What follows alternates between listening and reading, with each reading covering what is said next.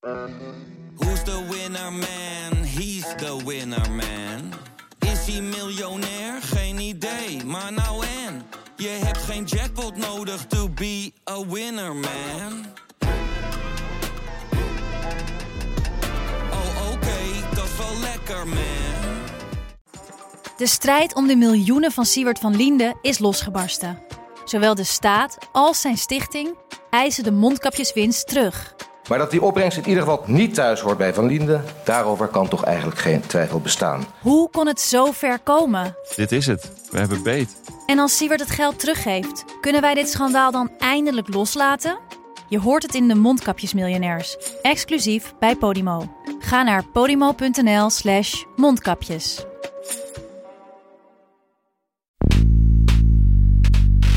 We are living in a new world and nothing will be like before. Dit is Betrouwbare Bronnen met Jaap Jansen.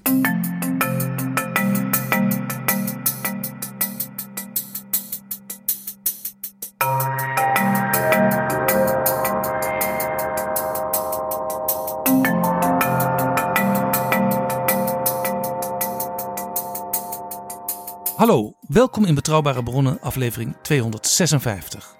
Met de Russische inval in Oekraïne is een pagina in het boek van de wereldgeschiedenis omgeslagen, zei premier Mark Rutte anderhalve week geleden in de Tweede Kamer. Europa staat voor belangrijke beslissingen, bijvoorbeeld op het terrein van defensie. En dat was altijd een nationale aangelegenheid. En de meeste EU-landen zitten in de NAVO en werken samen in groepjes van landen. Maar Europa moet nu zelf meer gaan doen, concluderen Europese leiders. Met de vraag wat dan precies ben ik deze week naar Straatsburg gegaan, naar het Europees Parlement. Ik praat zo met de leider van de grootste politieke fractie in het Europees Parlement, Manfred Weber van de Christen-Democraten. En daarna met Bart Groothuis, Europarlementariër van de VVD, met heel veel defensieervaring en scherpe opvattingen over wat Europa kan en vooral ook moet doen. Dit is Betrouwbare Bronnen. Woensdag sprak op het plein buiten voor het Europees Parlement in Straatsburg de Oekraïense ambassadeur bij de Raad van Europa. En daarna hoor je in het Frans de voorzitter van het parlement, Roberta Metsola. Let me assure you that President is talking to the people of Ukraine every day. And he is saying that I am not going to leave the presidential office.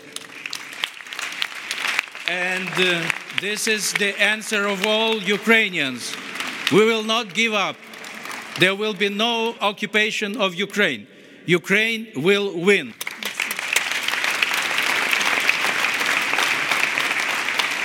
Enfin, je suis ici pour dire qu'avec vous, que la folie meurtrière de Poutine ne passera pas. Je suis ici pour confirmer que nous sommes avec l'Ukraine. Slava Ukraine.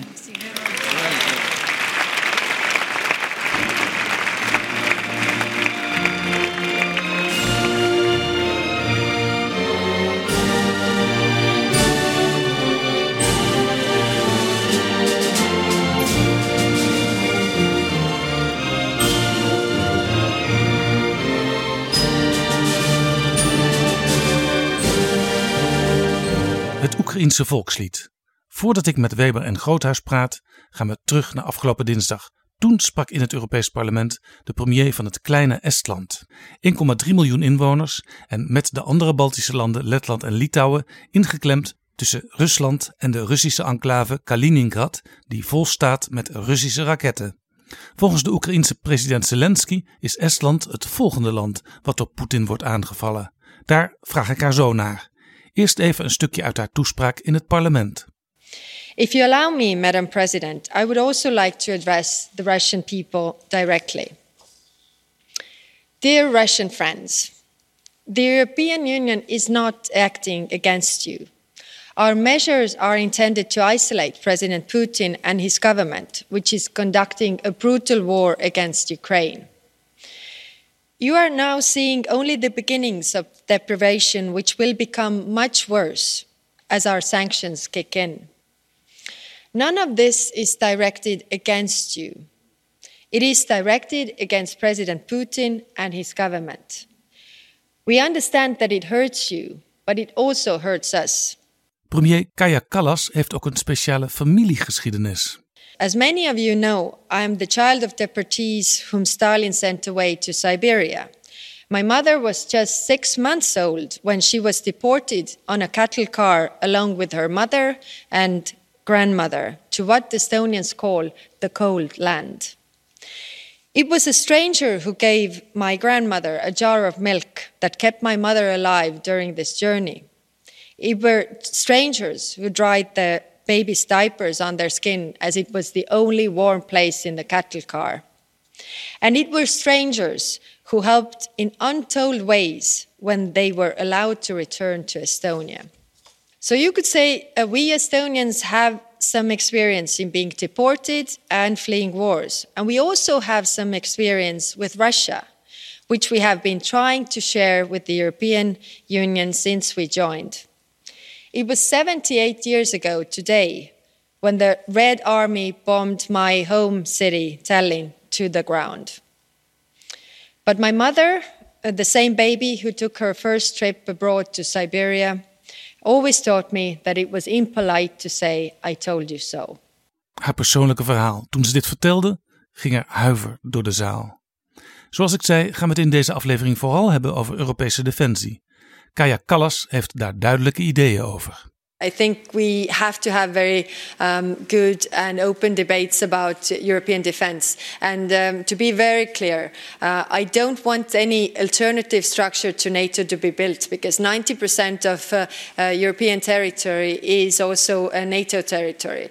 Uh, so NATO is the defensive alliance, a military alliance.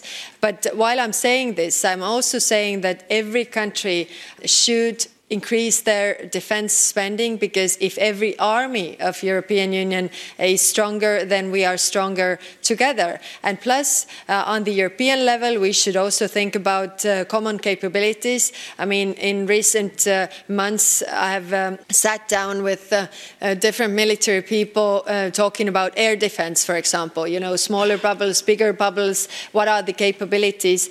These are very expensive technologies, so it is too expensive for any individual member state to take up, but they cover a wider area, so we should do this uh, together. Uh, also, uh, to have you know European Union uh, defended uh, properly. President Zelensky said in one of his brave speeches from hiding that Estonia might become the next country to be invaded. What did you think when he mentioned your country, and is Estonia safe enough?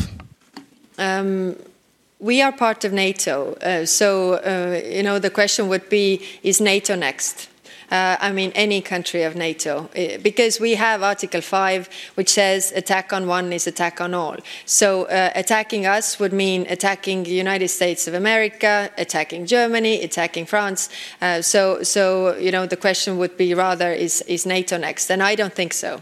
Dit is Jaap Jansen met Betrouwbare Bronnen. Ik ga praten met Manfred Weber, leider van de grootste fractie in het Europees Parlement, de Christen-Democraten, die er 182 van de 750 zetels hebben. Hij was al eens de gast in Betrouwbare Bronnen in aflevering 24, toen hij kandidaat was voor het voorzitterschap van de Europese Commissie, de plek die uiteindelijk toeviel aan Ursula von der Leyen. Weber vindt dat Europa nu eindelijk tot de conclusie moet komen dat het een rol heeft te spelen als het gaat om defensie. Hij zegt: We leven in een nieuwe wereld niets zal meer zijn zoals het was. Welcome back in our podcast, uh, Manfred Weber. Thanks for the invitation. Since February 24, there is war on our continent. Where is Europe at the moment? Europe is uh, united because the package of sanctions uh, we uh, uh we uh, created is uh, is is historic. and you see the dimension what we did against Russia, and it was always great to see that uh, we were accompanied by the Western world. So the Western world is, was really reacting tough and hard. Uh, and it gives a clear idea that it was an unprovoked uh, uh, attack from Russia against an independent sovereign country, and uh, the brutality of the Russian regime to go against the citizens, civilians in, in Ukraine, is, is, is, is, is, is, is, is unbelievable, and that's why the reaction was necessary, but also strong. In the European Parliament, uh, you named it the Kiev moment. What do you mean by that? Well, talk to people. You will feel in the streets of Den Haag, uh, uh, in the streets of Munich, of Athens, of Lisbon, of Riga. You will feel, you will, you will assess the same feelings. You will see the same reactions from citizens, from people, from Europeans. We see that uh, civilians are attacked, and we see also the fight of the Ukraine people for their way of living, of their of their ideas. So they defend their country. That is the first thing, but but they they experienced what it means to to have freedom of speech, to have a free press. The people experienced what it means to elect a president, to, to have democracy, that nobody imposed this to you, that you as a citizen, as a, as a, as a, as a, as a citizen of a country has a right to choose. And that is what they don't want to give up. So what they are doing is not only to defend their country, what they are doing is to defend the European way of life. And that's why I call it the Kiev moment, that we all over Europe experience that they fight our fight in a way, to defend our values. And they are today probably the most prominent Europeans. The paradox maybe is that Vladimir Putin invaded Ukraine because he didn't want the country to become member of NATO and EU but now Ukraine might become rather sooner a member of both. I think it's obviously the creation of a, of a strong Ukraine identity. So he forced the country to become a real uh, country, a real sovereign state in a way, in with his mentality, with his identity question behind. And, and secondly, the positive thing is that in Ukraine, that's not a nationalistic identity, that's an European identity.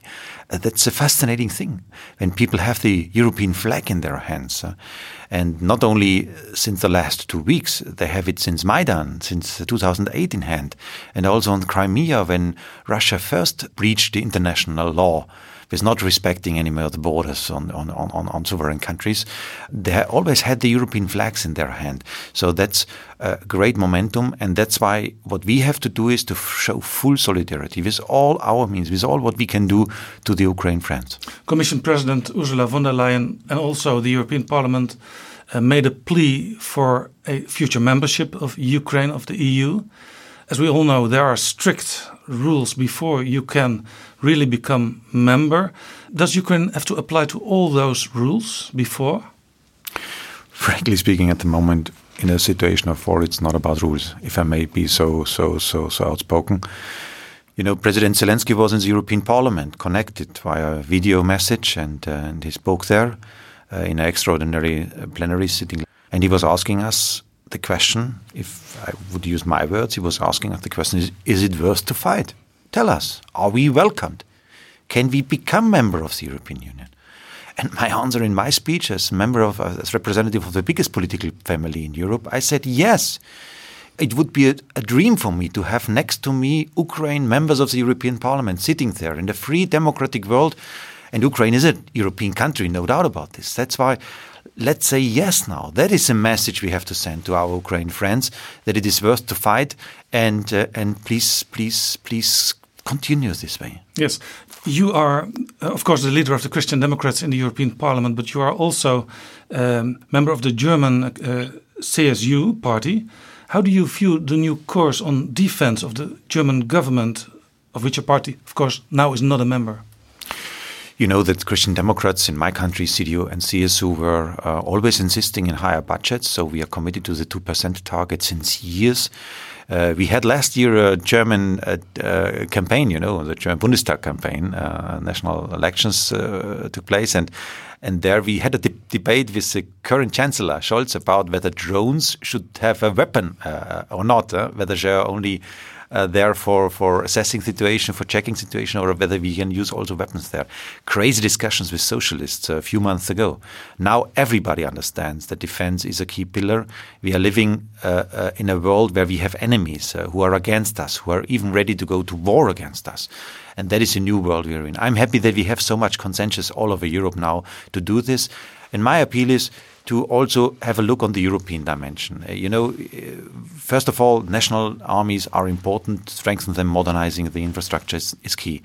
But there are a lot of elements where we can be cheaper and more efficient on European level.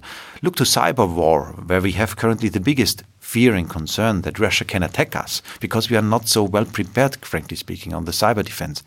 In cyber defense, you have no national border anymore. It's more about the software you are using, Apple or, or whatever. So that is more decisive about the question whether you are attacked or not.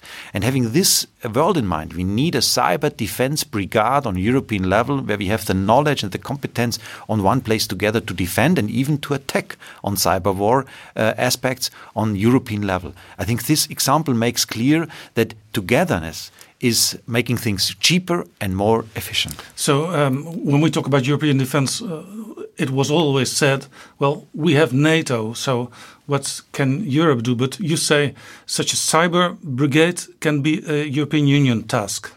That is what I would say. And I want to, I don't want to speculate, but, but the worst possible scenario for the next upcoming years, and we have to consider also some historic developments because, we are living in a world of historic changes. The worst possible scenario is that uh, we are uh, ending up in a real Cold War with Russia, and uh, Donald Trump or another kind of Trump will come back in the White House. Imagine for a second. And that's why I say NATO is the base of everything when we talk about security. No doubt about this. We are fully committed to this. But we have to prepare ourselves. Europe has to prepare ourselves for the worst possible scenario. And that means Europe must defend itself by our own. So, um, when we talk about NATO, you have to have two pillars an American pillar and a European pillar. And beside of that, some special European Union tasks. Well, you know that the, NATO is already combined or composed by by several pillars in a way. You have uh, French, and German, and Dutch, and whatever. So, and and and the question is simply how to organize things in the most efficient way. And it's not new what what is going on there. I give you another example on the missile defense question. When we have in Kaliningrad now missiles, uh, rockets who can who can who can be in, in, in Amsterdam or in Berlin in a few minutes. Huh? That's a reality. We Yeah. have to talk about And this. in a few seconds in Estonia, where Exactly. Prime Minister Kaja Kallas uh, is very afraid of. Yeah, and especially the Baltic countries reminding us every day about take it serious. huh? We know about our history, take it serious. And having this in mind, a missile defense system is already an ongoing process. We have already projects on European level, the so-called PESCO projects, huh, where we organize things together. But we are too slow. We are having not enough money for doing this. So the understanding that it is necessary to do it together, missile defense is not a national thing anymore. That's understandable for everyone. So let's do it together. It is not in competition with NATO. It is strengthening the NATO if the European pillar is stronger. Yeah, as we all uh, deplore, I think um, the United Kingdom uh, left the European Union a few years ago. But should they also be part of that uh, European defense entity? Well, it was a surprise that Boris Johnson himself said a few days ago that yes, we did the Brexit, yes, we left the European Union, but now it's a moment to consider again a European security architecture. So he offered this. He he said, let's sit together. So whenever we can do things also with non-EU partners, it's absolutely welcomed. And you see a lot of dynamics towards strengthening our Western unity. It's uh, it's an amazing uh, development in Denmark, for example, that they want to join that they give up on the opt out on, on defense on European level. They want to be part of a European defense structure. Denmark, huh? you have Finland and Sweden, now a majority of people supporting NATO membership in the countries. And again, my party, the EPP, was on European level always advocating for this strengthening European capacity and also the NATO uh, membership. So we are, we are, we are we are stronger together. We are more united than ever before. But we have to deliver now. It's not only about words, about emotions. We have to deliver. Now we are facing a security crisis. We already had a migration crisis, and now we seem to have more refugees than ever before in European history. Can we manage this new uh, refugee influx? We have to. There is no there is no question behind the question mark behind. There is So, simply so it's we schaffen das again. We will we will manage this, no doubt about no doubt about doubt about this. And uh, what I what I what I count a lot is that we have in all local communities, uh, the mayors, the responsible people on the ground.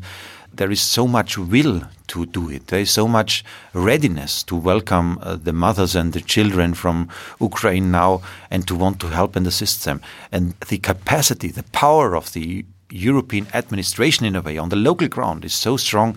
I think we will make it. It will create a lot of costs. It will create a change of behavior. And probably this is also one of the things we have to do as European politicians. So also after this crisis, there there must be and there can be and there will be a united European migration policy.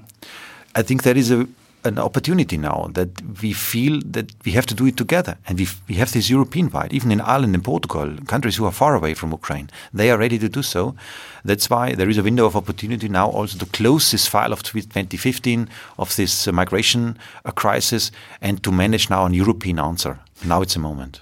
Maybe a strange question, but if Russian soldiers want to desert to the European Union, are they being welcomed? Absolutely.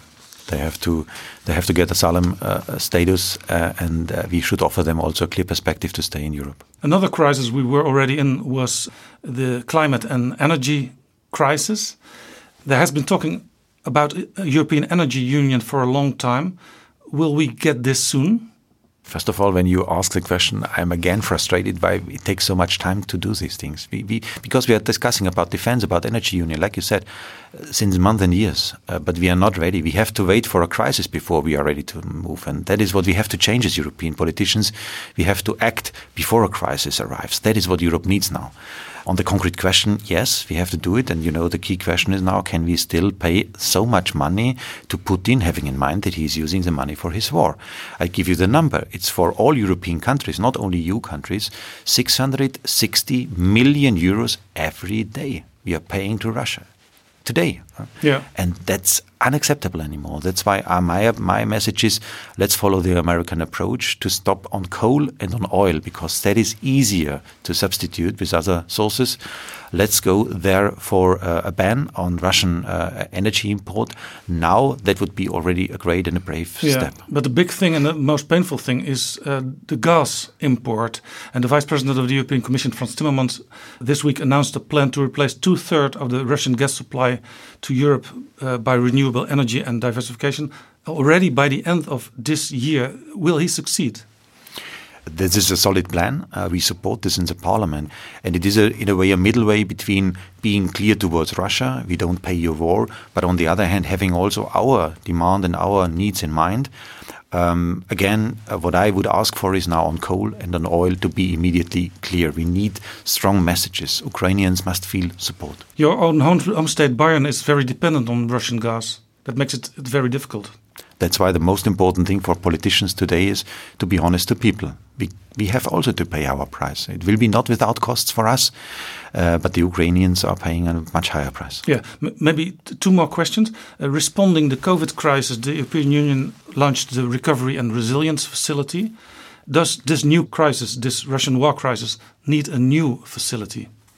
Not yet because we have not spent uh, a lot of these 750 billion euros we uh, created during the corona crisis. And my main message is now having the new demand in mind about energy, about defense, let's redraft the national uh, programs. So the member states have promised what do we do with the money we get from Europe? And now we have to re-prioritize things. We have to reconsider for what uh, purposes do we use the money. That is now the need. So not always ask for new money. Let's use the money we have, and there is a lot on the table in a better way. And focus it in a new, sharper way. Uh, last question. The sanctions against Russia will also hurt our own citizens. How long do you expect uh, our people will accept it? I think people will support this and will uh, will continue to support this. Um, there will be uh, uh, uh more and more impact on us as well, no doubt about this. Uh, but if we are honest, if we tell people the truth, that we are living in a new world and nothing will be like before, we have to be honest. All leaders must be clear on this. Then a lot of people will follow because uh, we are risking much more, and freedom and democracy has a price. Thank you very much, Manfred Weber. Thank you so much.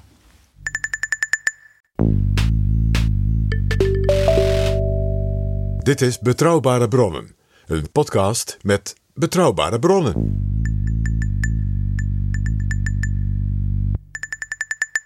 Ga praten met Bart Groothuis, sinds 2019 lid van het Europees Parlement voor de VVD. Hij studeerde economie en geschiedenis, was assistent van Henk Kamp toen die Kamerlid was en werkte ruim 10 jaar op het ministerie van Defensie, waarvan lange tijd voor het bureau Cybersecurity. En nu is hij voor de liberale woordvoerder Defensie in het Europees Parlement.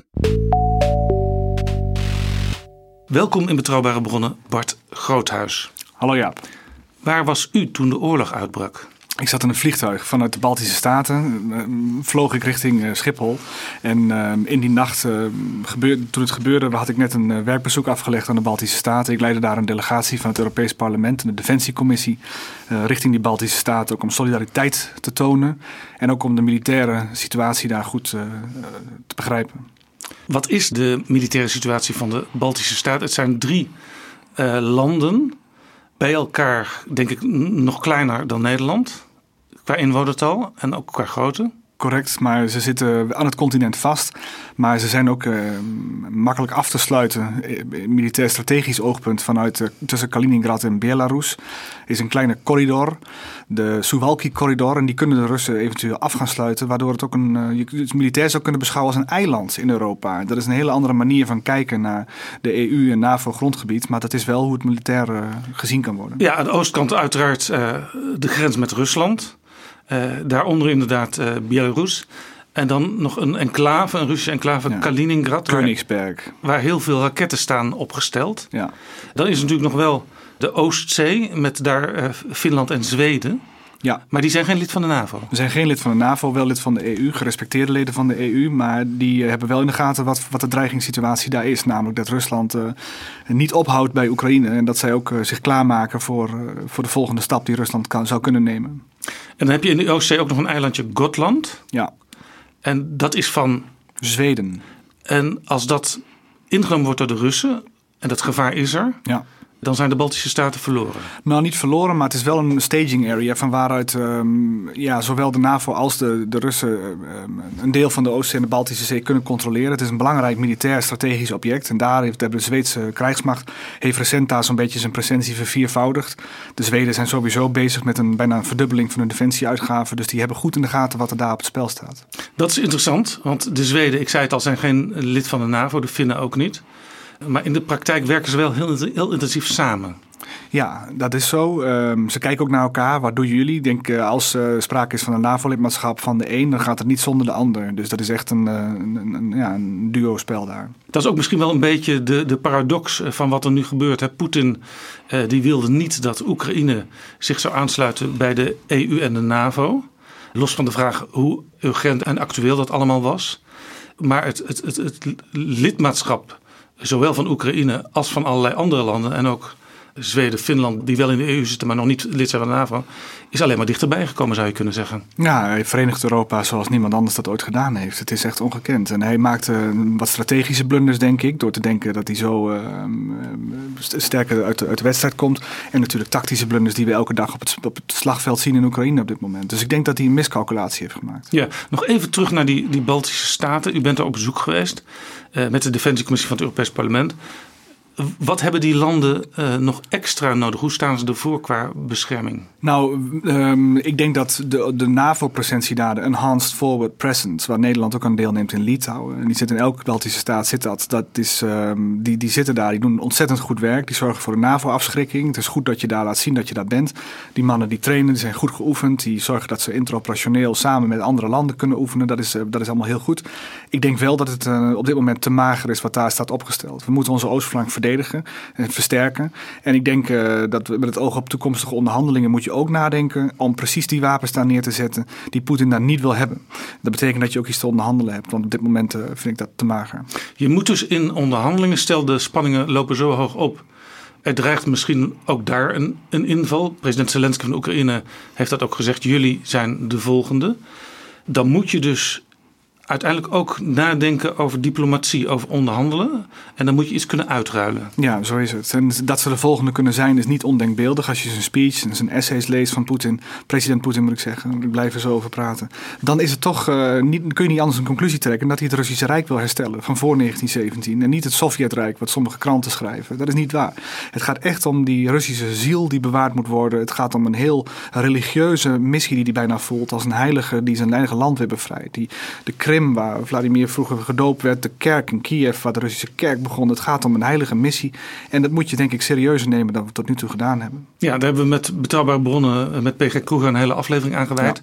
Wat zijn die historische wortels waar Poetin zich op baseert? Hij laat overigens ook delen van de historie weg. Dat is ook interessant. Dus hij pikt eruit wat hem uitkomt. Maar onder wat u zegt ligt eigenlijk alles wat we hem nu toestaan dat ziet hij alleen maar als een klein beetje extra. En dat stimuleert hem om nog meer te willen inpikken. Ja, zijn landhonger is eh, in die zin onbegrensd. Eh, dat hij gewoon die, die, die grenzen van het Rijk wil herstellen. Dus ik denk dat Moldavië de borst nat kan maken. Ik denk dat eh, de regio Transnistrië daar een voorbeeld van is. Maar diverse landen zoals Georgië, maar ook andere landen, de, de Baltische Staten, kunnen zomaar onderdeel worden van zijn landhonger. En dat is niet ondenkbeeldig. En, en, en zij zijn dan het zwakst van het hele NATO-deel? Nou, ik denk dat ze op zich uh, het sterkst zijn qua moraal. Ik denk dat ze sterk zijn qua uh, strategisch besef over wat er kan gebeuren. Ik denk ook dat ze goed georganiseerd zijn.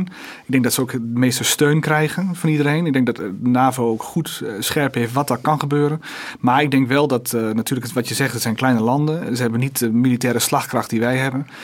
Um, dus we moeten ze daarin ondersteunen. En de NAVO moet elke centimeter van zijn grondgebied verdedigen, vind ik. En ehm, ja, dat, dat betekent nogal wat. En ook voor de Nederlandse situatie. Want Ehm, kijk, op het moment dat de NAVO ehm, in een conflict zou komen, wat op dit moment nog onwaarschijnlijk is hoor.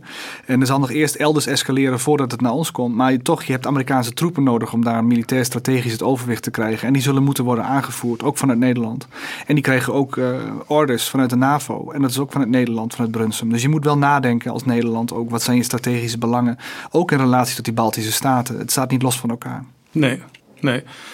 U bent lid van de Defensiecommissie van het Europees Parlement. Dat is interessant, want uh, het idee is altijd geweest, zeker ook in Nederland, ja, voor defensie hebben we de NAVO. En Europa kan over defensie praten, maar uh, heeft niet een, een echt eigen defensie-idee nog. Ja. Hoe staat u daarin? Nou, ik denk dat we wat stappen moeten zetten. In de zin van, um, we geven zo'n 380 miljard uit per jaar. En we hebben het nu over een leger van 60 miljard Russen. En eigenlijk concluderen de minister van Defensie en de, de commandant de strijdkrachten... dat we niet in staat zijn om ons grondgebied te verdedigen tegen dat leger van 60 miljard. Ja, wij hebben dus vele malen uh, groter uh, defensiebudget van alle Europese landen samen. Ja. Uh, maar wij zijn ja, te zwak versus dat leger van de Russen... Uh, wat een veel lager budget heeft. Ja, de som der delen, zeggen ze dan, is niet uh, groter dan. Kijk, de, de, de, gezamenlijke slagkracht is niet voldoende om dat te doen. Hebben de Amerikanen echt voor nodig. En dat zit hem vooral in de enablers. Dat is een moeilijk militair woord om te zeggen. Dit maakt je mogelijk om te vechten. Het gaat niet om wapensystemen zoals een F-35 of een, of, een, of een nieuwe manoeuvreeenheid. Want daar praten we veel over. Het Europese leger. We moeten praten over tanks en artilleriedivisies. Dat is allemaal heel belangrijk. Dat zien we nu ook. Daar wil ik niks aan afdoen. Daar moeten we veel in investeren. Maar om de slagkracht te vergroten gaat het om die enablers die dit mogelijk maken. Zoals transport, logistiek, inlichting, etc.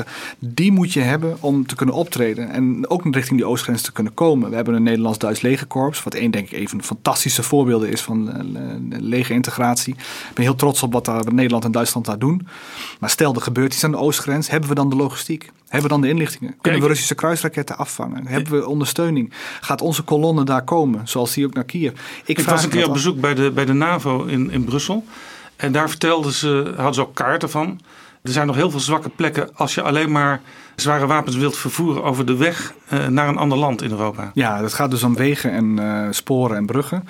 Nederland uh, trekt dat project. En dit is denk ik een hele goede wat je nu zegt, ja. Want dit is dus hoe de EU soms uitvoerder is van een sterkere NAVO. En dat realiseren veel mensen zich soms niet. Maar dat mag best gezegd worden. De EU voert dus uit dat die troepen van de, naar de oostgrens kunnen komen. Dat Amerikaanse aanvoer kan komen. Dat militair strategisch vermogen Europa want, in kan komen. Want de EU moet zorgen en, voor harde wegen, voor stevige bruggen, et cetera. Ja, en Nederland trekt dat project project. Het heet een PESCO-project, een, een, defensieproject binnen de Europese Unie.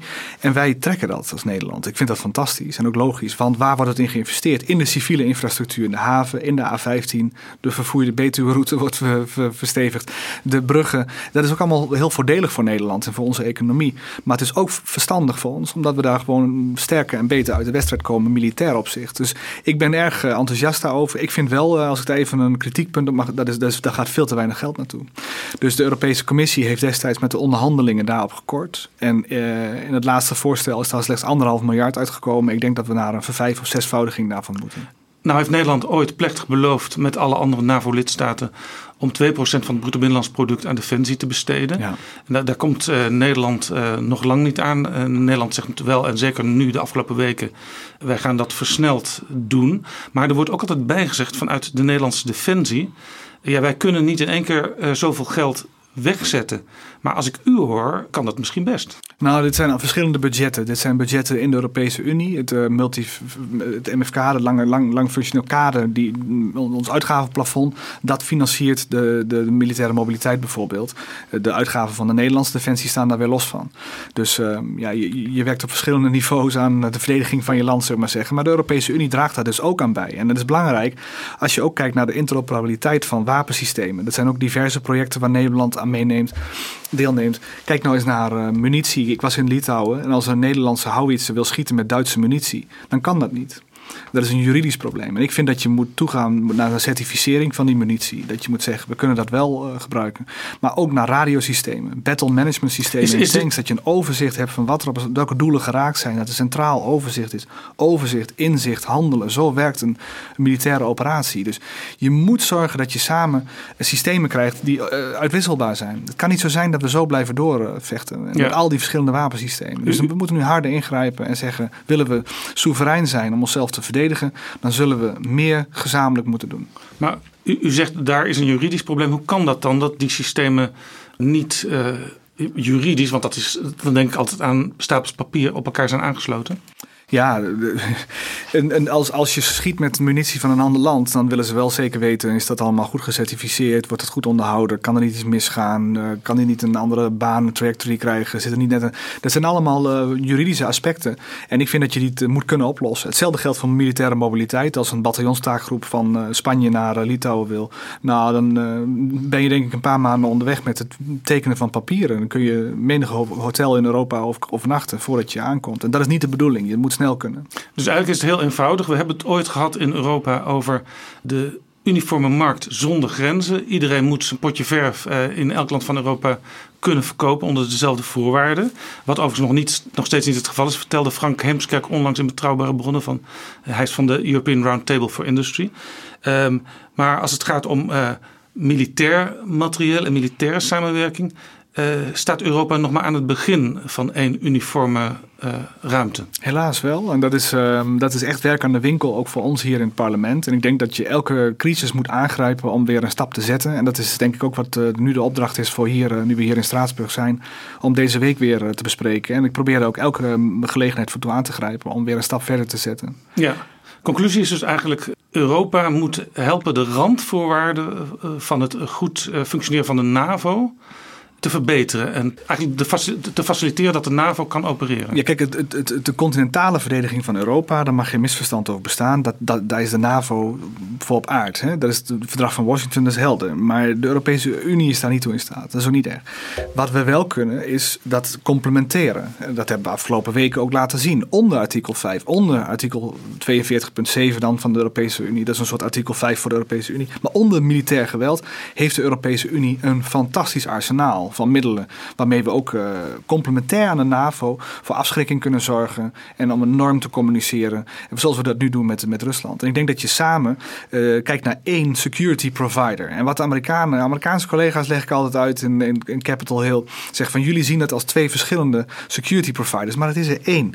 Wij zijn complementair aan de NAVO. En laten we net als Solana en Robertson, uh, een secretaris-generaal en een buitenlandschef van, van de Europese Unie aanwijzen. Die samen die tango maken over de hele wereld wereld. En die overal laten zien, wij zijn één. En dat is denk ik waar ik naar zoek uh, hier. Je moet zorgen dat je één, uh, één, één norm communiceert. Ja, uh, lang geleden werd er gesproken over twee pilaren NAVO met een Amerikaans-Canadees deel en een Europees deel. Is dat ongeveer het idee? Ja, dat is een speech van John F. Kennedy geweest in Parijs, niet voor niks. En in Parijs heeft hij dat verteld. Ik heb dat laatst met Franse collega's ook nog eens verteld toen we met onze liberale fractie op bezoek waren in het Elysée. En ik heb ook de militair adviseurs van Macron dat verteld. Zeg, daar moet je inspiratie halen. Dat is ook wat landen als Nederland eh, enthousiast maakt, maar ook de Baltische staten. Dat is wat ons bindt. En wat ons niet bindt is een strategisch soeverein Europa, Europa waarbij Brussel uh, militaire commandantschappen gaat overnemen van de NAVO en zo. En competitie gaat. Dat is niet de toekomst. Dus we willen niet een sterk Europees leger. We willen een sterke NAVO. Maar de, de EU is een belangrijke uitvoerder daartoe. Dus je bent een, een pijler in de NAVO. Hè? Niet van de NAVO. Dus dat is een heel verschil. En ik denk ook wel dat als je kijkt naar de militaire track record van Europa. Die is niet heel sterk. Maar we moeten ook, zeg ik even erbij hier, ehm, wel rekening houden dat we ook zelf dingen moeten kunnen opknappen in onze achtertuin. Dus ik zit een beetje op een schizofreen ding, maar dat is een klein ding. Je moet rekening houden dat er in de Sahel, in Libië, in uh, de Middellandse Zee, rondom Turkije, dat er dingen kunnen gebeuren waarbij je zelfstandig moet kunnen optreden. Alleen daarom al is die militaire mobiliteit, die militaire interoperabiliteit in Europa van belang. Dat je ook zelfstandig zonder de Amerikanen een klus kunt klaren. Ja, en, en dat, het, het kan ook voorkomen. Uh, we hebben natuurlijk uh, de afgelopen periode Trump gehad in Amerika dat we toch minder snel met elkaar eens worden over bepaalde internationale spanningen. En dan zegt u, dan, dan moet Europa uiteindelijk klaarstaan om zelf ook klussen te klaren. Ja, in mijn partij, de VVD, is denk ik een uh, heel belangrijk eh, uitgangspunt waar ik, die ik volledig onderschrijf. Van we mogen de Amerikanen niet van ons vervreemden. Want dat is het militair strategisch vermogen dat ons veilig houdt. En daar ben ik het volledig mee eens. Ik wil dan ook aantekenen dat in 2010 in Libië zeiden de Amerikanen klappen jullie die klus op. Een no-fly zone, boven Libië, et cetera. En um, na zes weken moesten de Amerikanen het weer overnemen. We waren niet in staat om dat te doen als Europeanen. De inlichtingen ontbrak. Dus ze hebben een schip er naartoe gevoerd die het command and control overnam. Ze hebben vliegtuigen en munitie was op van de Europeanen, et cetera. En als je mij vraagt, hoe vervreemd je de Amerikanen? Op die manier. Door te zeggen, we doen alles NAVO, NAVO, NAVO. En we denken niet na over onze eigen strafkracht. Wat volgens mij de opdracht is en ook de slogan, politiek gezien, van wat we naartoe moeten, is dat we relevanter moeten worden voor de Amerikanen. En dan vervreemd je jezelf niet. Dus des te relevanter je wordt voor onze transatlantische vrienden, des te meer, des te dichter we bij elkaar komen. Dus die Europese pijlen binnen de NAVO, dat is ook iets om de transatlantische band te versterken en niet om de Amerikanen van ons te vervreemden. Ja, en u bent van de VVD. Ja. Betekent dit dat u ook in eigen huis toch ook nog uh, missiewerk moet verrichten om dit idee uh, scherp te laten doordringen? Op zich zijn alle plannen die ik vertel, alle ideeën zijn al eens geaccordeerd. Alles weten we wat er moet gebeuren. Het punt is alleen, er is te weinig aan executie gedacht om door te voeren. Iedereen zit met een eigen defensieindustrie. Elk land heeft zijn eigen belangen. En nu moet er op een gegeven moment worden gezegd: willen we nou gezamenlijk slagkracht leveren en in staat zijn om onszelf te verdedigen en die Europese soevereiniteit vorm te geven? Uh, ja, dan denk ik dat je nu wel echt, echt over moet gaan tot wat verdergaande stappen. Echt flink verdergaande stappen. We hebben een heel goed model in de NAVO, AWACS. Uh, die stijgen in Limburg op, in Schinveld. Die zijn hele grote vliegtuigen die doen ballistische raketverdediging. Die zijn veel te duur voor Nederland, veel te duur voor Duitsland. Dus die doen we samen. We geven de Amerikaanse generaal in charge of uh, het verdedigen van het Europees grondgebied, geven we die vliegtuigen, het materieel, het vliegveld, het personeel. En hij voert het uit. Hetzelfde gaan we nu doen met air-to-air -air refueling, het tanken in de lucht. En ik denk dat je dat model moet toepassen op gros van de enablers waar we het over hadden.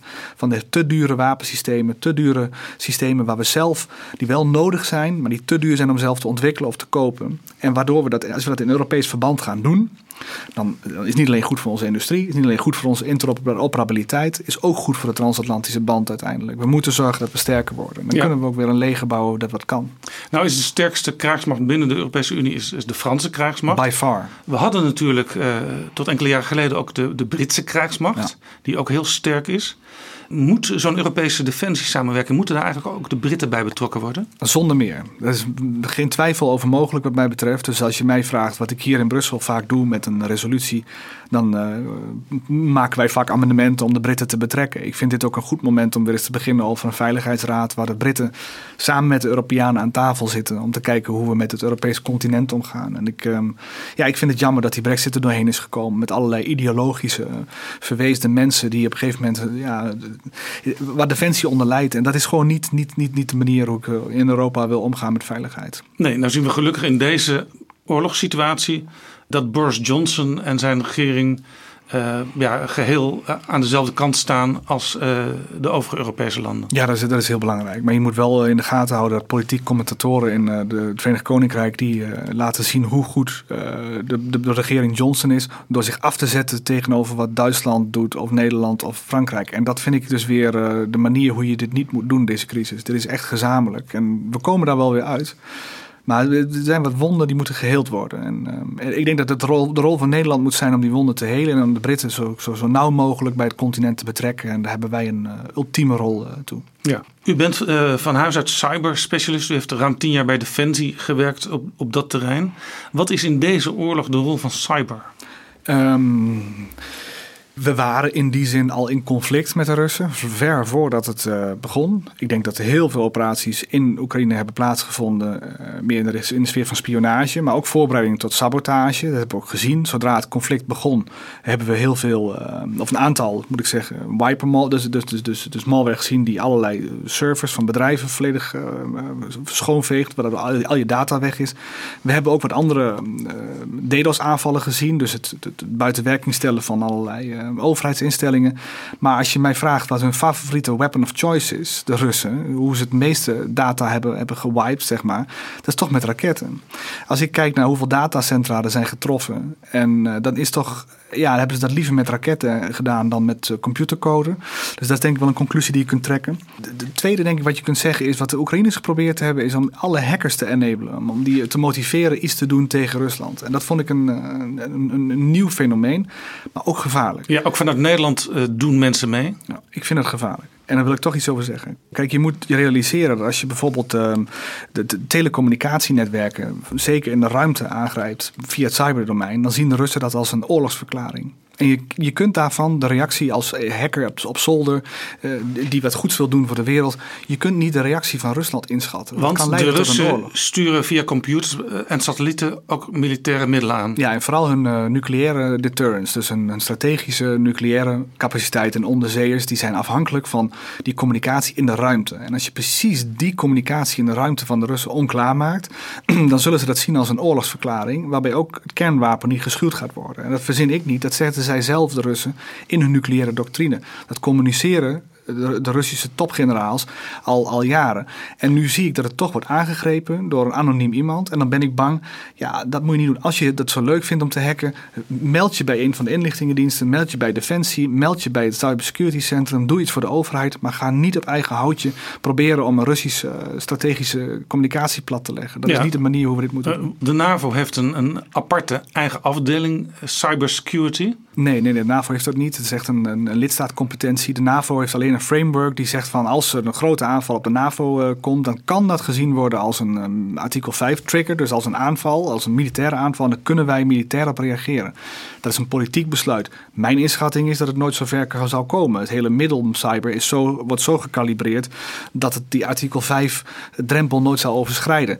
Dus daar is de Europese Unie weer van belang. Dat je als je wil werken aan resilience, aan betere weerbaarheidsmaatregelen, aan zorgen voor dat bedrijven beter gewapend worden, dat, dat is precies wat we in de Europese Unie dan weer doen. Ook weer complementair.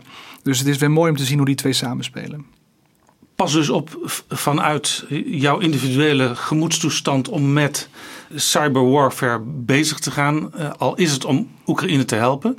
Uh, maar Oekraïne zelf roept wel mensen op om mee te gaan doen. Ja, en iedereen wil dus wat doen. Iedereen wil uh, voedsel geven, medicijnen geven, vluchtelingen helpen. Dat is heel goed.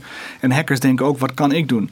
Maar ik zeg, ik zeg daarbij, pas daarbij op. Het is ten eerste natuurlijk illegaal als je het doet. Maar ten tweede, je kunt daar strategische effecten uitlokken die je van tevoren niet hebt overzien. En daarom zeg ik, als je echt heel erg gemotiveerd bent, meld je bij een staat, meld je bij een inlichtingendienst, ga of bij Defensie of bij het Cybersecurity Centrum en ga daarvoor werken. Maar ga niet op eigen houtje proberen een strategische oorlog uh, tot, uh, tot, tot bedaren te dwingen. Dat is, dat is, niet een, dat is een heilloze weg. Is dit vergelijkbaar met uh, mensen die zich uh, aanmelden ter plekke in Oekraïne om mee te gaan vechten? Ja, in het cyberdomein geldt alles net weer iets anders dan dat. Er zijn weer ook andere regels, maar sommige mensen doen dat. Een soort vreemdelingenlegioen wordt daar gebouwd, dat valt me ook op. Uh, het dienen onder, ja, daar zijn ook regels voor. Nou viel mij op dat vanuit Nederland, de Nederlandse regering ja, werd eigenlijk vrij gematigd gereageerd op dat idee dat Nederland mee zouden gaan vechten. Er werd gezegd, ja, als je een vreemde krijgsdienst treedt, daar, daar, daar staat gevangenisstraf op, et cetera. Uh, maar ja, uh, wij staan aan de kant van Oekraïne, dus dat is toch een andere situatie.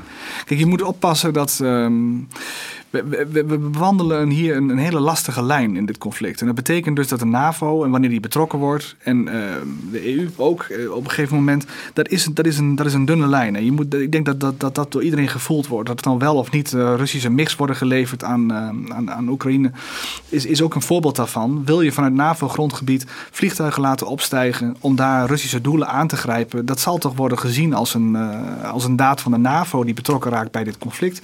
En daar moet je denk ik voor oppassen. U had het een tijdje geleden uh, over de zwakheid van de Rotterdamse haven. Rotterdamse haven is natuurlijk een, een belangrijk expeditieknooppunt. Ook als er wapens uh, worden getransporteerd door Europa. Wat bedoelde u precies daarmee? Ja, daar hebben we het net over gehad, hè, van de Baltische Staten. Dus op een gegeven moment, als de, druk op de Baltische Staten toeneemt. en um, dan is het enige wat echt het overwicht biedt op dat Russische leger. dat is het militair strategisch vermogen van de Amerikanen. En dat is materieel dat wordt aangevoerd in Europa. vooral via die haven van Rotterdam. En dat is belangrijk. Uh, dat, is een, dat, is een, dat is een punt, een logistiek knooppunt. waar echt groot materieel uh, Europa binnen kan komen. En dat is een belangrijk punt. Op het moment dat uh, Poetin het voorzien zou hebben op die Baltische Staten, dan zal hij ook kijken van hoe kan ik het afschrikwekkende Amerikaanse leger aangrijpen. En daar moet je over nadenken als Nederland. Dat bevindt zich in ons land en dan moet je daar uh, ook maatregelen voor nemen, vind ik. En hoogstwaarschijnlijk is er nu al extra materieel onderweg. Want er vinden ook extra oefeningen plaats. Ja, voor oefeningen, maar nog niet het militair strategisch materieel waar we het over hebben in geval van een conflict. Dat is niet aan de orde. Het zal eerst elders flink escaleren voordat het hier in Nederland uh, komt. Dat is echt niet aan de orde. Het is wel aan de orde dat je moet nadenken van, voor het geval dat. Dat is wat militairen op plannen, dat is wat militairen doen. En dat is ook wat ik hier in het parlement moet doen. Ik ben geen militair, maar ik ben een politicus die moet nadenken over twee, drie stappen verder. Zijn we beschermd voor de volgende voor het volgende conflict. Ja, u bent gemilitair, maar u heeft er ook vanuit uw defensieverleden wel zicht op. Uh, als we nou zo de afgelopen twee, tweeënhalve week kijken naar hoe het Russische leger uh, manoeuvreert in en om Oekraïne. klopt het dan wat ik als gewoon burger waarneem? Dat ze niet heel snel en heel sterk zijn op het moment. Ik denk dat ze veel zwakker zijn uh, gebleken dan uh, menig defensieanalist heeft verwacht. En inclusief mijzelf. Ik had ook verwacht dat de Russische leger hier sneller zou toeslaan, betere logistiek had. Maar ik denk dat ze vooral hebben geïnvesteerd in, in, in, zware wapensystemen. En ze hebben hun huiswerk heel goed gedaan. Ze hebben goed gekeken waar zit de kwetsbaarheid van de NAVO. Die wapensystemen worden en, werden en worden ontwikkeld. Vergis je niet, we kijken nu naar de huidige krijgsmacht. Je moet ook kijken naar de Russische krijgsmacht over vijf of tien jaar. Er komt heel wat nieuw materiaal aan. En ze leren natuurlijk ook hiervan, maar ook van wat ze in Syrië hebben gedaan. Absoluut. Er is geen twijfel over mogelijk. Ook in het cyberdomein, ook, um, maar ook het, het, het, het lanceren vanaf uh, onderzeeërs en het aangrijpen van landdoelen met ballistische raketten vanuit de Middellandse Zee. Ze hebben het allemaal geprobeerd. Ze hebben al hun wapensystemen getest daar. En nu denken ze, nou, we zijn klaar voor, de, voor het conflict in Oekraïne. Maar hij heeft zich eh, strategisch vergist en hij heeft zich uh, tactisch vergist, denk ik. Ja, de motivatie van de soldaten is ook laag, althans wat we daarvan weten. Ja, waarom heeft eh, Israël in 67 gewonnen? Ik denk dat alle Arabische landen, als je dat vraagt, als je het in één zin moet zeggen, ze waren beter gemotiveerd. En dat is omgekeerd ook hetzelfde voor de mensen in Oekraïne. Die zijn ook heel erg gemotiveerd om dit, om dit zo lang mogelijk van zich af te duwen. En zo is het. En die, die motivatie die zie je. Gisteravond waren, was een aantal liberale parlementariërs uit uh, Oekraïne bij ons in, het, uh, in de fractievergadering hier in Straatsburg. En onder andere die dame met uh, de Kalashnikov.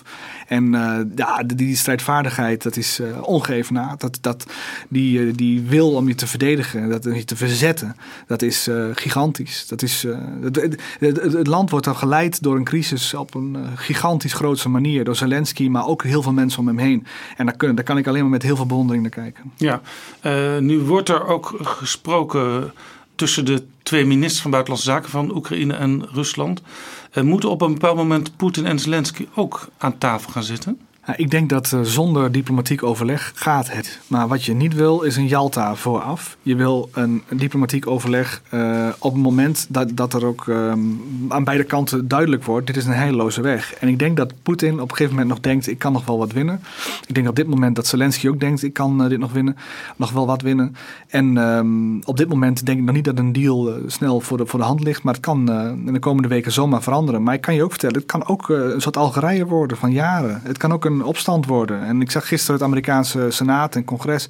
een opstand in Rusland. Een opstand in Oekraïne tegen de Russische bezetting. En dan heb je een hele vervelende oorlog met, met insurgency, met opstandelingen die Ja. een guerrilla gaan, gaan, gaan, gaan strijden. Maar ik bedoel eigenlijk ook, er zouden ook in het Kremlin een eh, regime change kunnen plaatsvinden. Ja, kijk, eh, Tsaar Alexander II, die had een oorlog in 1905 tegen Japan, die verloor die. Maar die bleef wel zitten. Maar uiteindelijk kwamen de Bolshevisten in 1917 om hem af te rekenen. En ja, de vraag is of we twaalf jaar moeten wachten of dat het sneller kan. Maar het is niet zo dat, eh, dat een tsaar een oorlog kan eh, verliezen en kan blijven zitten, denk ik. Maar de, de, de vraag is altijd in de geschiedenis met welke snelheid gaat iets. Maar ik denk niet dat Poetin kan blijven zitten als hij verliest. Dit is Betrouwbare Bronnen. Deze week heeft het Europees Parlement een rapport behandeld waar u aan heeft meegeschreven over fake news, desinformatie en inmenging uit het buitenland in democratische processen in de EU. Wat is de conclusie van dat rapport? dat de, het conflict met het Westen eigenlijk al lang gaande is. In de ogen van de Russen. En dat alles geweaponized kan worden. Dat alles als wapen gebruikt kan worden. Onder andere ons informatiedomein, desinformatie, eh, beïnvloeding van verkiezingen. Het, maar ook het betalen van politieke partijen. En dat afdoen als van, ach ja... eh, eh, Gerhard Schreuder die werkt voor Gazprom. Dat, dat, dat, dat afdoen van is dat is zijn zaak. Maar dat is geen niet zijn zaak. Het is elite capture. Het is een fenomeen dat de Chinezen en de Russen allebei doen. Staatsondernemingen huren oud-politici in, oud-bestuurders in, betalen die heel veel geld. Ja, mag ik toch één ding zeggen? Waarom zijn we in Nederland niet in staat geweest om soevereiner te denken en te denken die Russische gasafhankelijkheid en olieafhankelijkheid, dat is niet zo'n goed idee. Ik denk dat we vooral kijken naar Duitsland. Ik denk vooral dat we hebben gekeken naar het Duitse belang en hoe Berlijn erover dacht. En Berlijn dacht daar zalvend over.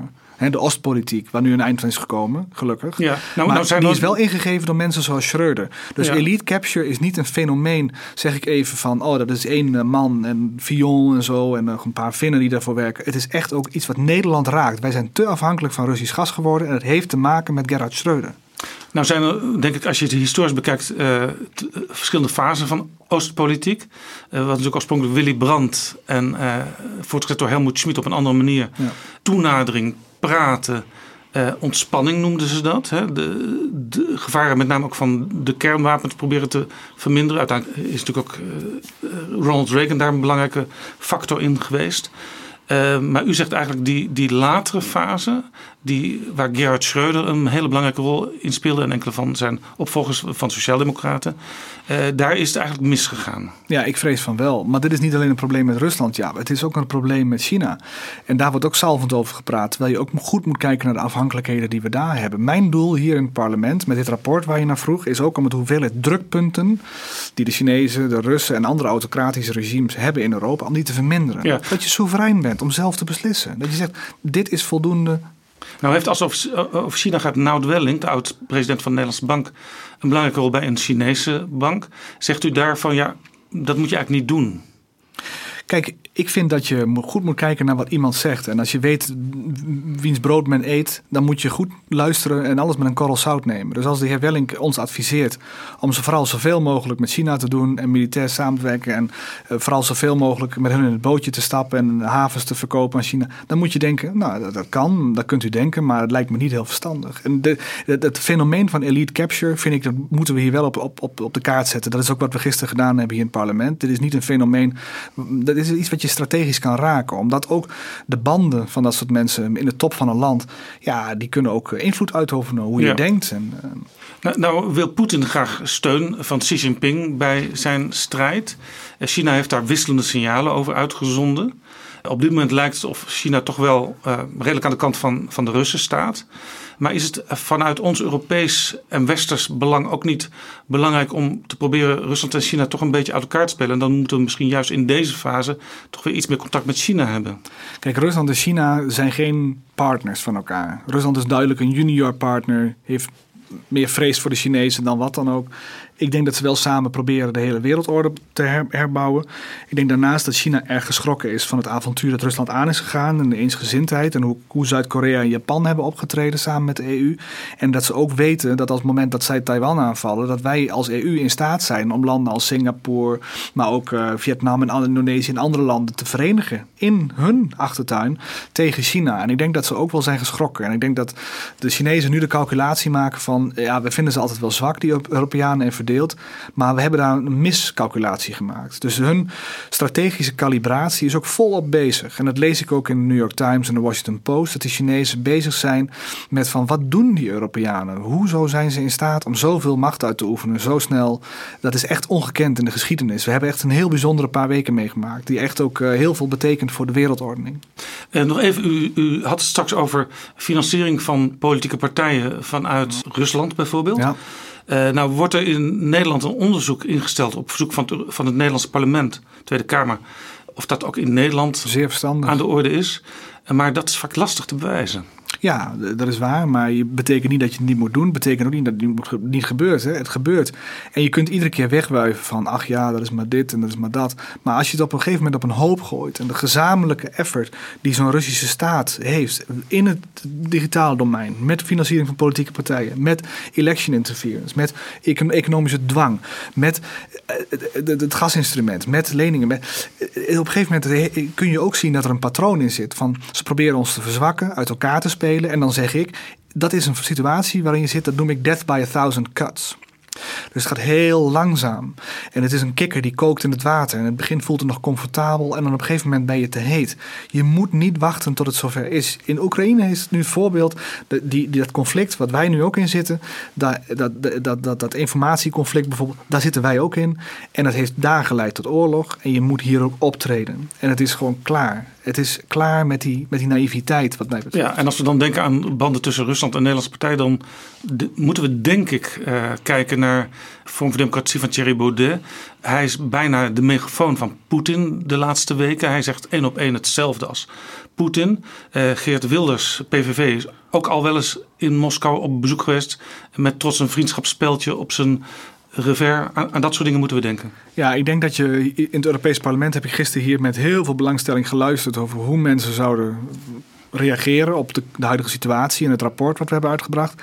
En wat mij opviel is dat heel veel extreem rechts en extreem links, die toch wel sympathie voor Poetin hebben uitgesproken in het parlement en die mij ook hebben aangepakt van ja, je bent Poetin-foob en je bent Russofoob, zeg ik van, die waren allemaal eensgezind wat hier gebeurt is on, onbestaanbaar. De agressie is, is, is, is een, een onrechtvaardige oorlog. En uh, Poetin werd aangepakt. Zelfs door de, meest, door de grootste flanken. Dus ik denk dat de, degene die echt geïsoleerd eh, is op dit moment... is, is uh, mensen zoals Baudet. Die, die, die vinden hier ook geen weerklank meer in ja, Brussel. Ook een lid van zijn partij in het Europees Parlement... stemde ook tegen de resolutie die steun aan Oekraïne uitsprak.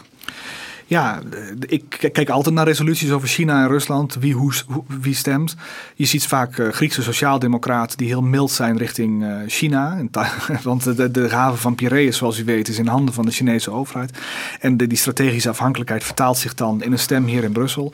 En een aantal anderen die graag uh, Rusland en China op bezoek gaan, die, die zie ik, meneer Mariani bijvoorbeeld, een Franse oud-staatssecretaris die graag Donbass en Luhansk bezoekt. Ja, dat is een, dat is een Poetin-adept. En ik weet, ik weet dat en ik hou het in de gaten, maar dat is op zich wel aan het slinken. Ja. Tot slot, toen, toen Ursula von der Leyen Oekraïne verwelkomde als toekomstig lid van de Europese Unie, toen uh, reageerde premier Mark Rutte niet enthousiast. Hoe, hoe keek u naar zijn reactie? Nou, heel verstandig. Hè? Kijk, je hebt een. Um, je wil een signaal afgeven, een politiek signaal, en dat is goed. Dus wat betekenis van een verenigd bondgenootschap dat Oekraïne steunt, dat is ja, goed. want u stemde zelf ook voor een resolutie in het Europees Parlement die dat uitsprak. Nou, wat sprak uit dat er eh, eventuele onderzoek naar een uh, mogelijke weg naar een kandidaat lidmaatschap en dat de eerste bespreking daartoe een keer kan plaatsvinden. Het zei niks over een lidmaatschap. Het was helemaal afgezwakt, die tekst, in het parlement. En daar kon ik wel mee leven. Het politieke signaal wat door de media is opgepakt is... Oekraïne wordt lid. Dat is niet, was niet aan de orde. De precieze tekst was heel genuanceerd, dus daar heb ik voorgestemd. Ja, overigens ook de tekst van Ursula von der Leyen was genuanceerder... dan premier Rutte het deed voorkomen in zijn reactie. Ik heb haar live gezien op Euronews, Jaap. En ze zei echt letterlijk van Oekraïne is een van ons, ze worden lid. Dus ik vond dat wel weinig genuanceerd, moet ik zeggen. Mevrouw van der Leyen is een hele sterke leider van de Europese Commissie, maar ze heeft niet het strategisch vernuft van een Amerikaan of een NAVO-generaal die ook het militaire, die de militaire macht ook achter zich heeft. Je merkt dat de Europese Unie een dwerg is in militaire zin. En het strategisch vernuft om het kernwapen goed te doorgronden en die dynamiek, dat ontbreekt hier in Brussel. Daar hebben we gelukkig de NAVO voor. Maar no-fly zones waar hiertoe wordt opgeroepen en het leveren van gevechtsvliegtuigen vliegtuigen. Vind ik onverstandig. Dat zie je de NAVO ook niet doen. Maar dat zie je Brussel vooral doen. En daarvoor wil ik wel waken. Het de NAVO blijft de hoeksteen van onze, van onze veiligheid. En, en wat zegt u tegen bijvoorbeeld mevrouw uh, Kaja Kallas, de premier van Estland, als zij zegt Oekraïne moet zo snel mogelijk lid worden? Ja, ik denk dat dat uh, onverstandig is. We moeten niet uh, overhazen stappen maken van landen als Oekraïne. Dat is op zich niet verdedigbaar. En dat, dat, dat ondermijnt ook het NAVO-lidmaatschap van, uh, van, van, landen zoals wij.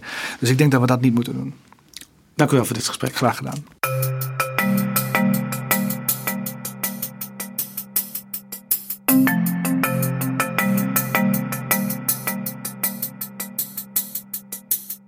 Zo, dit was Betrouwbare Bronnen aflevering 256.